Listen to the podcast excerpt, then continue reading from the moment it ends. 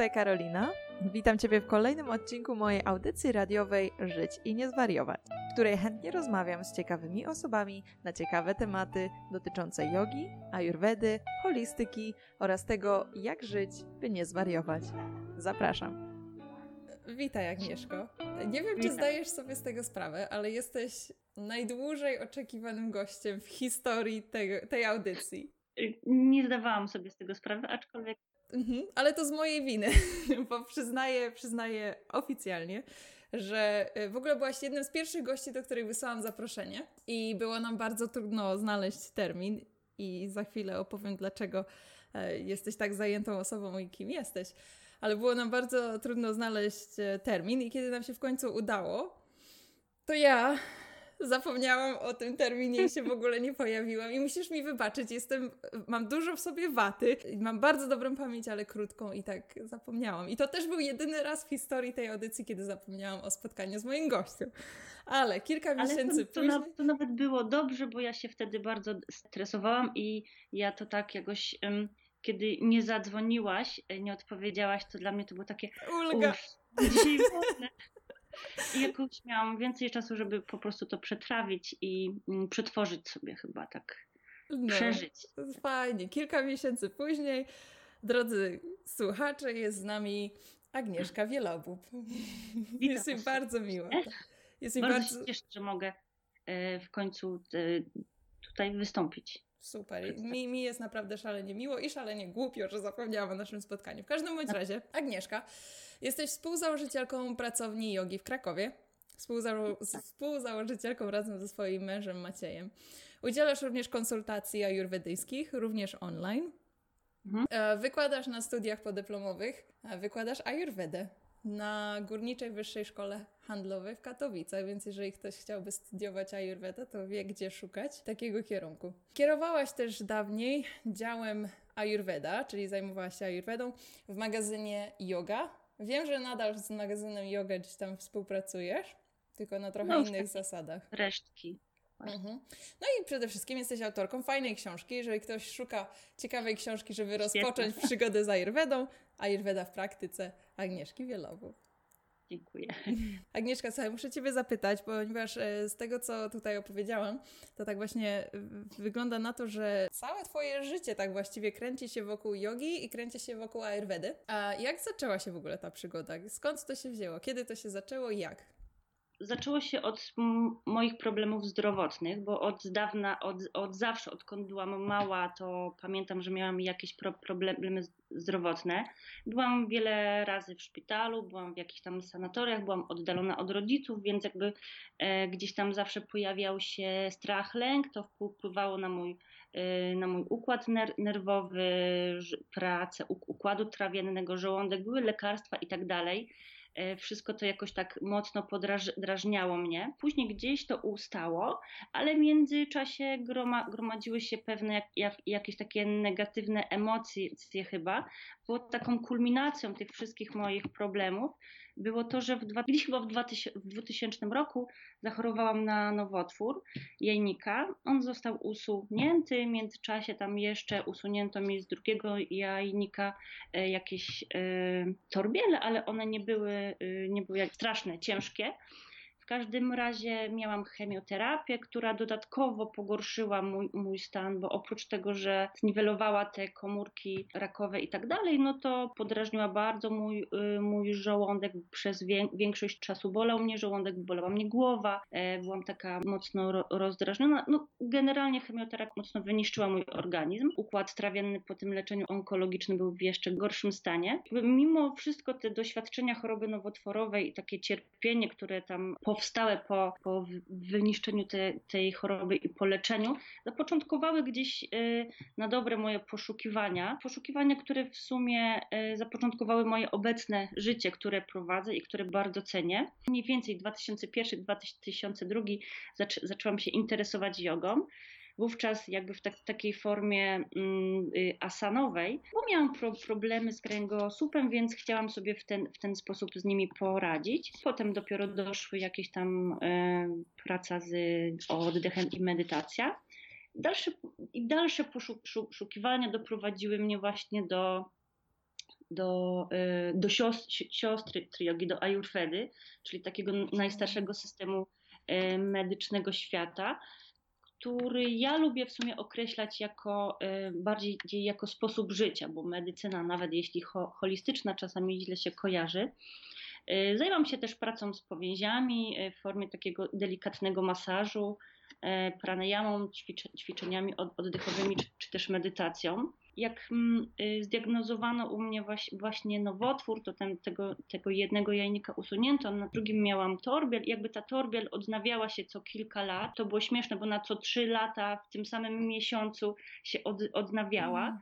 I kiedy już trzecim razem było jakby takie ryzyko, że muszę pójść do szpitala na kolejną laparoskopię, to tak stwierdziłam, że kurczę nie, to jakby tak nie może, nie, nie może wyglądać. Nie mogę iść po raz kolejny i po raz kolejny, po raz kolejny do tego szpitala. Jakby moje cierpienie musi, mu, musi się skończyć. Mój mąż z, zajmował się y, medytacją. No i gdzieś tam y, opowiadał mi o pe, pewnych praktykach. No i zaczęłam sobie wtedy robić takie proste ćwiczenia, taką fajną praktykę 20 oddechów oczyszczających i też zmieniłam swój sposób myślenia o sobie. Jakby przestałam myśleć o sobie jako o osobie chorej, tylko zaczęłam się traktować jako osobę, która no, chwilowo tutaj doświadcza pewnych trudności zdrowotnych.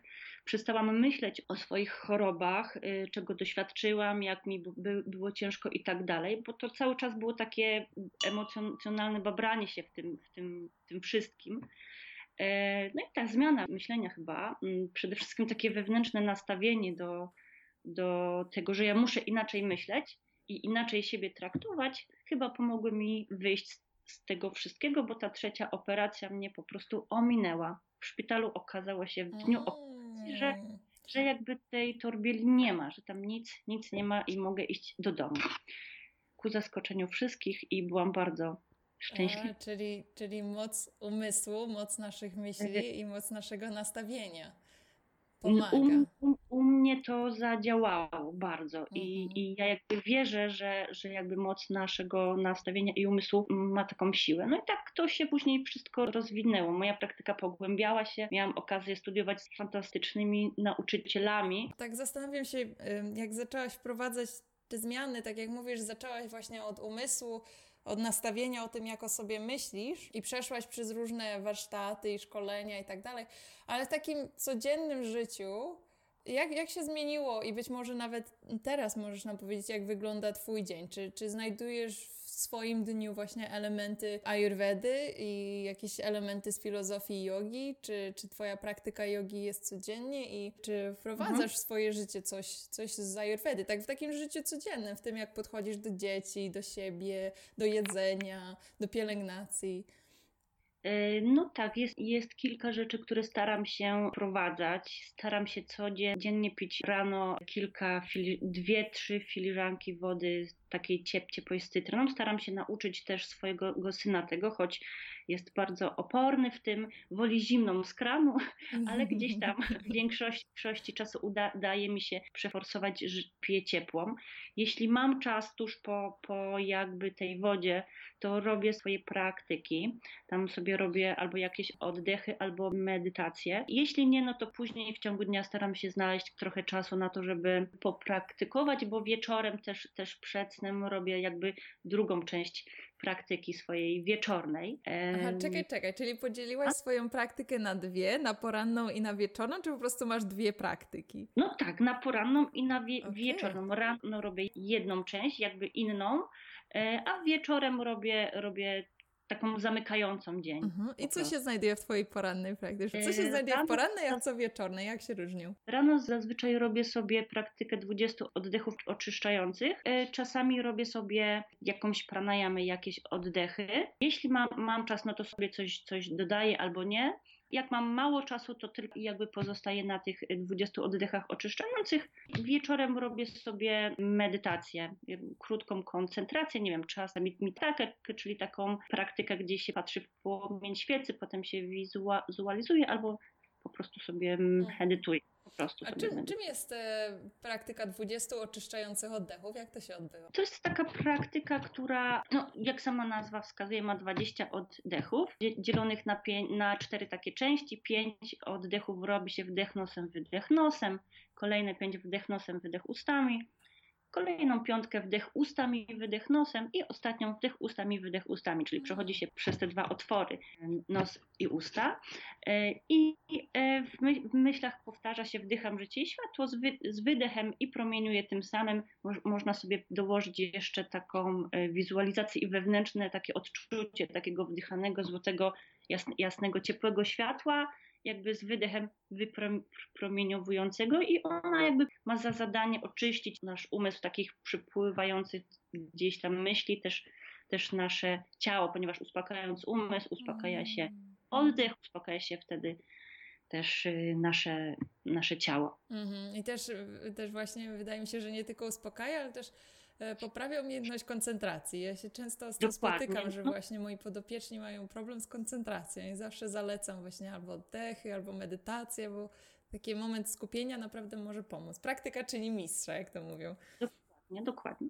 Dobrze, i właśnie poza tym poranną i wieczorną praktyką, co się dzieje pomiędzy, tak z takiego ajurwedyjskiego albo jogicznego w Twoim dniu? Z synkiem przygotowujemy sobie śniadanie. To są różne rzeczy. Na przykład zimą staram się jeść ciepłe, gotowane rzeczy. To jest kasza na przykład, nie wiem, albo z warzywami, jakąś tam cukinią, cukinią z jabłkiem, dynia albo y, duszona, albo nie wiem, dynia, dynia z cukinią, czasami coś na słodko, jakieś jabłko z żurawiną, do tego słonecznik prażony z solą. Staram się, aby wszystkie moje posiłki, te, które są na ciepło, zawierały sześć smaków, bo jakby w ajurwedzie ważne jest to, żeby nasz posiłek za, zawierał sześć smaków y, bo wtedy on jest na, najlepiej skomponowany i najlepiej jakby równoważy dosze, które są w naszym organizmie, takie energie wpływające na to, jak się czujemy, kim jesteśmy. Jak... Jakie to są smaki, tych sześć smaków? Y, kwaśny, ostry, gorz, gorzki, cierpki. Mm. I jakby przyprawami uzyskuję sobie ostateczny smak. Bieram sobie, co tam na co mam ochotę lub jakby co mi jest potrzebne, bo czasami wstaję rano i jestem taka bardziej, nie, nie wiem, zaziębiona, to wezmę sobie, przygotuję posiłek tak, żeby on był bardziej e, rozgrzewający i taki osuszający, a kiedy wstaję rano i jest na przykład gorąco, no to wezmę sobie, zrobię coś co mm, bardziej będzie albo nie wiem, tak równoważące, albo bardziej nawilżające, ponieważ też mam sobie dosyć dużo waty Y, dużo suchości, więc, więc moje posiłki muszą być chcąc, nie chcąc trochę bardziej wilgotne. No i tam nie wiem, jak sobie robię na słodko jedzenie, to też staram się dodać trochę soli, trochę jak, jakiejś tam cytryny, czy soku z cytryny, z limonki, żeby, żeby mieć ten smak kwaśny. Y, no czasami jest, jest tak, że mój syn ro, robi śniadanie, więc on robi jajecznicę. Mm. Więc tak, tak też wiem. I to jest najwspanialsza jajecznica świata. z miłością. Tak, tak Anita Rzadka, tak, e, umieją robić, po, po prostu robią super, fantastyczną. Do posiłków staram się nie pić ja nigdy, chyba że wychodzę na miasto, jak jem na mieście gdzieś, co się zdarza, to y, czasami pozwalam sobie robić rzeczy, których normalnie w dom, domu bym nie robiła, bo to lubię, więc piję do posiłku, zjem y, od razu ciastko po posiłku na przykład, albo wypiję kawę, tak? Audycja, której słuchasz, jest niezależnym projektem tworzonym w zupełności przeze mnie oraz współtworzonym przez moich gości. Jeśli podoba się Tobie ten projekt, wspomóż go wchodząc na moją stronę internetową www.karolinakalamajska.com w zakładkę sklep www.karolinakalamajska.com w zakładkę sklep. Jeżeli posiadasz pytania do moich gości lub znasz kogoś, kogo chciałbyś usłyszeć w mojej audycji, pisz do mnie mailowo karolina małpa. Będzie mi również miło poznać Ciebie osobiście na macie. Zapraszam na zajęcia jogi w Wiedniu. Możesz również wziąć udział w moich wielotematycznych warsztatach oraz wyjazdach grupowych. Wszystkie informacje znajdziesz na mojej stronie internetowej www.karolinakalamajska.com. Do zobaczenia na macie! Wiesz, wiesz o czym jeszcze z Tobą chciałam porozmawiać? Hmm? O jednym wpisie, który pojawił się na Twoim blogu agnieszkawielobu.pl Mhm. Był tam wpis o odciskach życia. W jodze nazywamy to samskary. Chciałam Ciebie zapytać, co to są te odciski życia?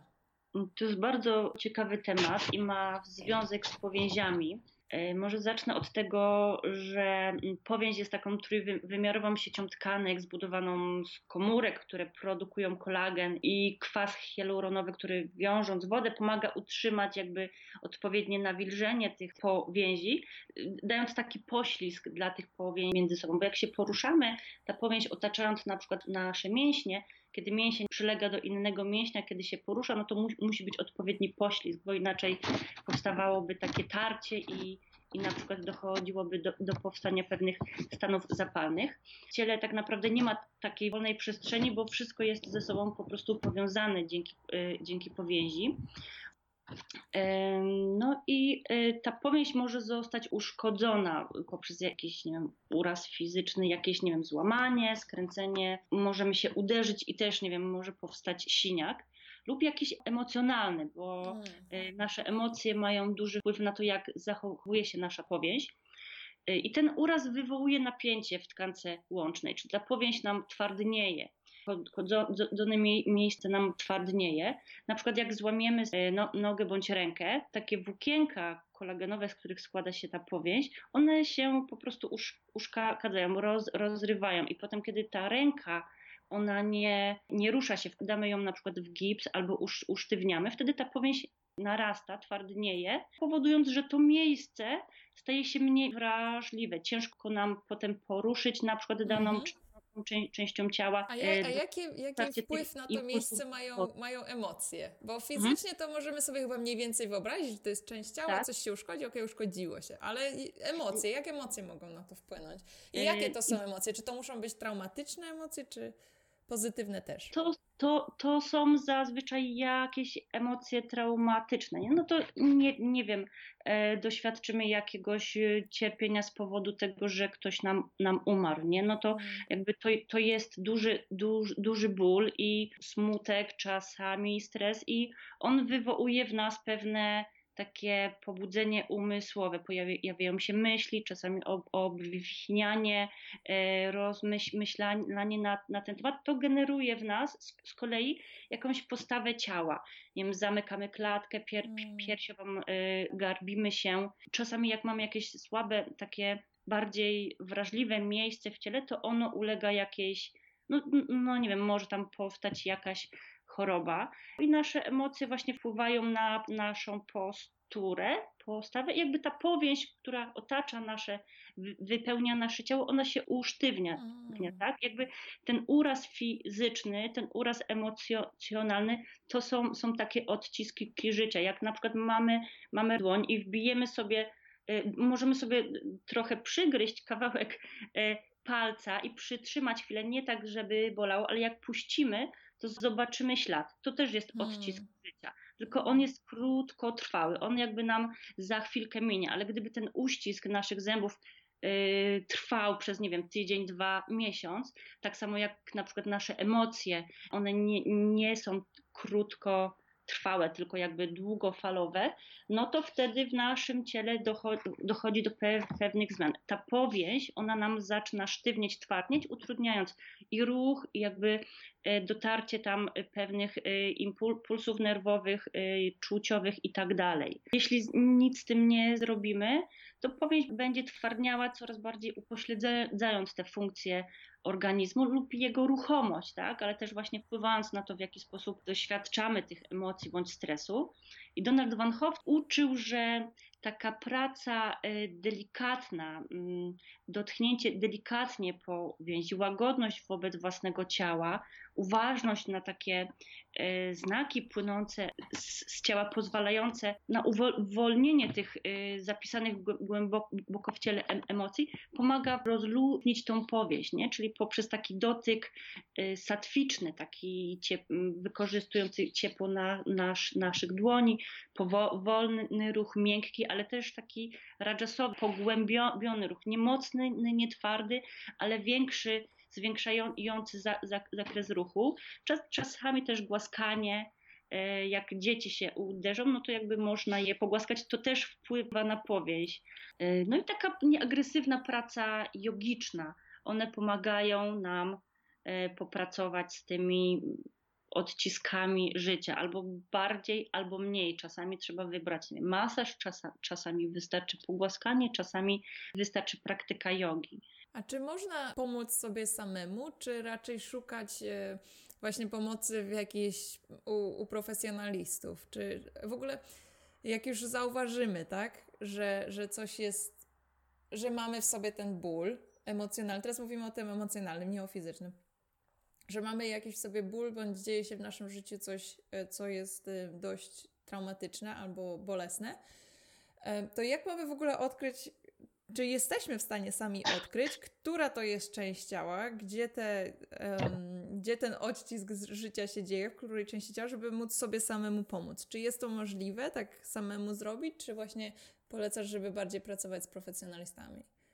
To wszystko, wszystko trochę zależy od tego, na jakim, e, w jaki sposób umiemy być uważni na to, co się z nami dzieje, bo jeśli jesteśmy Y, wrażliwi w sensie, że y, pojawia się jakaś emocja i my jesteśmy w stanie zauważyć ją i doświadczyć jakość w ciele, no można sobie sam, samemu pomóc. Jest taka fajna praktyka, która uczy przeżywania emocji, czyli pojawia się jakaś emocja, jakieś różne wrażenie i my uczymy się przyjmować to, zatrzymywać chwilkę nad tym, nie oceniając, nie nazywając tego, nie wypierając, bo czasami to są trudne rzeczy i też nie, nie nakręcając się na, na to, co się, się pojawi, tylko chwilkę sobie z tym pobyć, doświadczyć, nie wiem, zauważyć, w którym mie miejscu ciele się pojawia, bo czasami pojawia się takie uczucie, nie wiem, w okolicy klatki pier piersiowej, jakiś strach, czasami za zaczyna nas,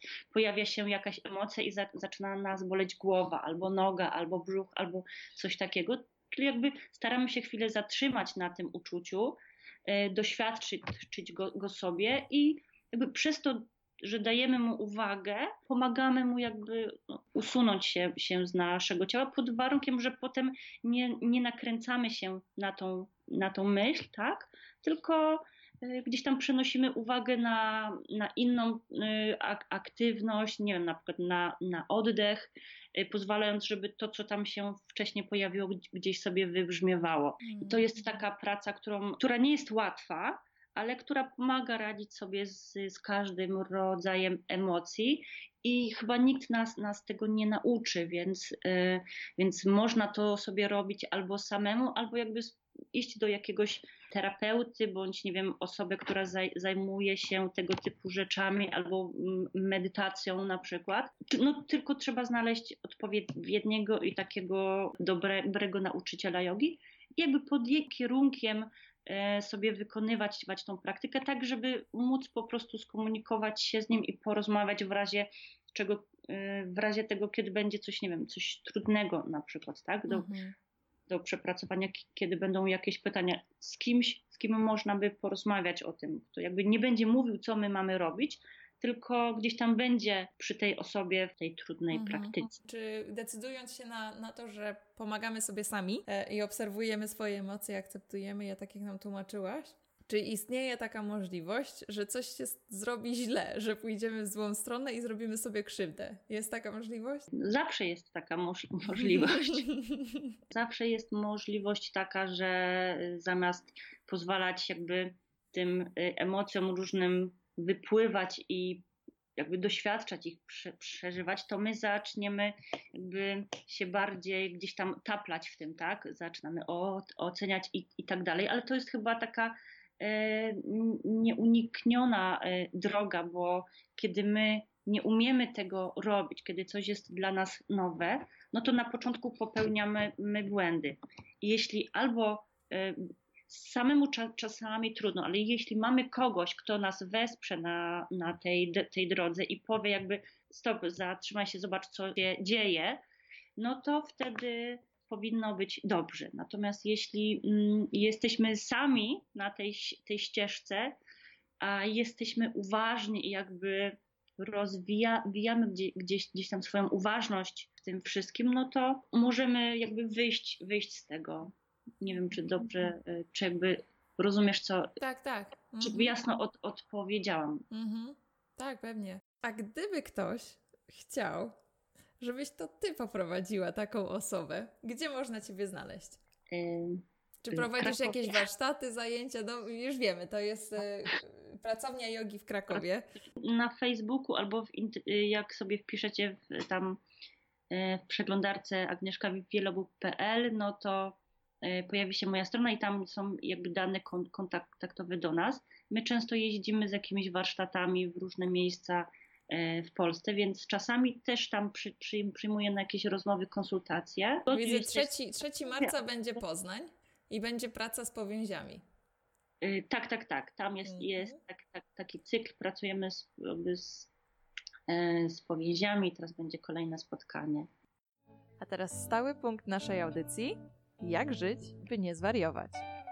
Myślę, że e, ważne jest takie mm, zachowanie równowagi w tym, w tym, co robimy, żeby zastanowić się, co jest dla nas ważne i jakie są nasze wartości i z, według nich postępować. E, I żeby znaleźć taki trochę złoty środek na, na wszystko, co się, co, wo, co do nas trafia, ponieważ dużo jest aktualnie różnych in, informacji na temat zdrowego żywienia, tego, czym jest yoga, dlaczego warto ćwiczyć albo nie, jak ćwiczyć, czym jest ayurveda, dlaczego ona jest, jest, jest dobra bądź nie i tak dalej.